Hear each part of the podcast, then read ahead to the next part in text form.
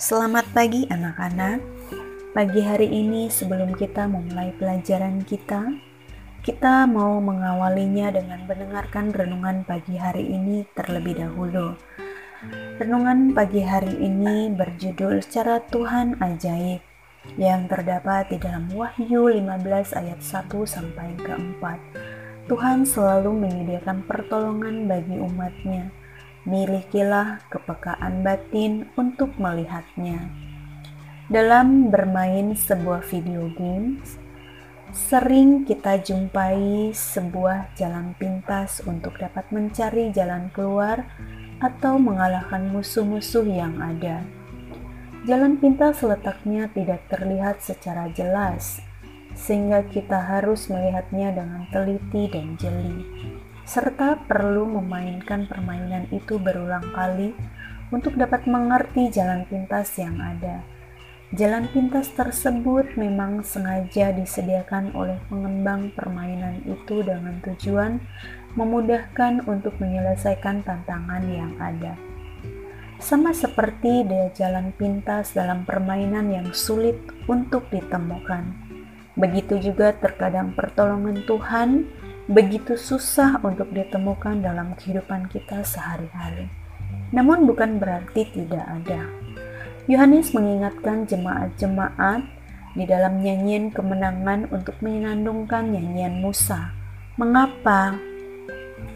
Inti sari dari nyanyian Musa adalah tentang keperkasaan dan kebesaran Tuhan yang ditunjukkan untuk membebaskan bangsa Israel dari perbudakan Mesir dengan cara-cara yang tak terduga.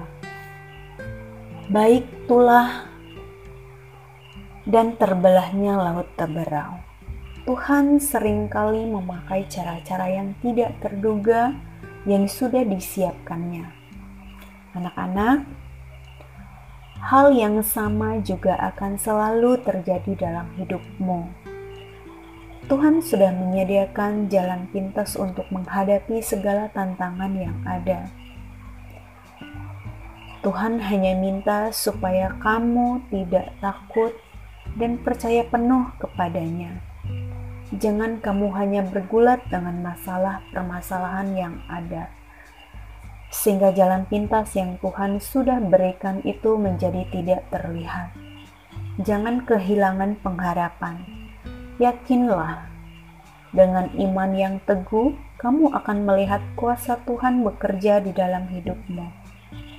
Anak-anak, kita harus memiliki kepercayaan kepada Tuhan, karena bagi Tuhan tidak ada yang mustahil.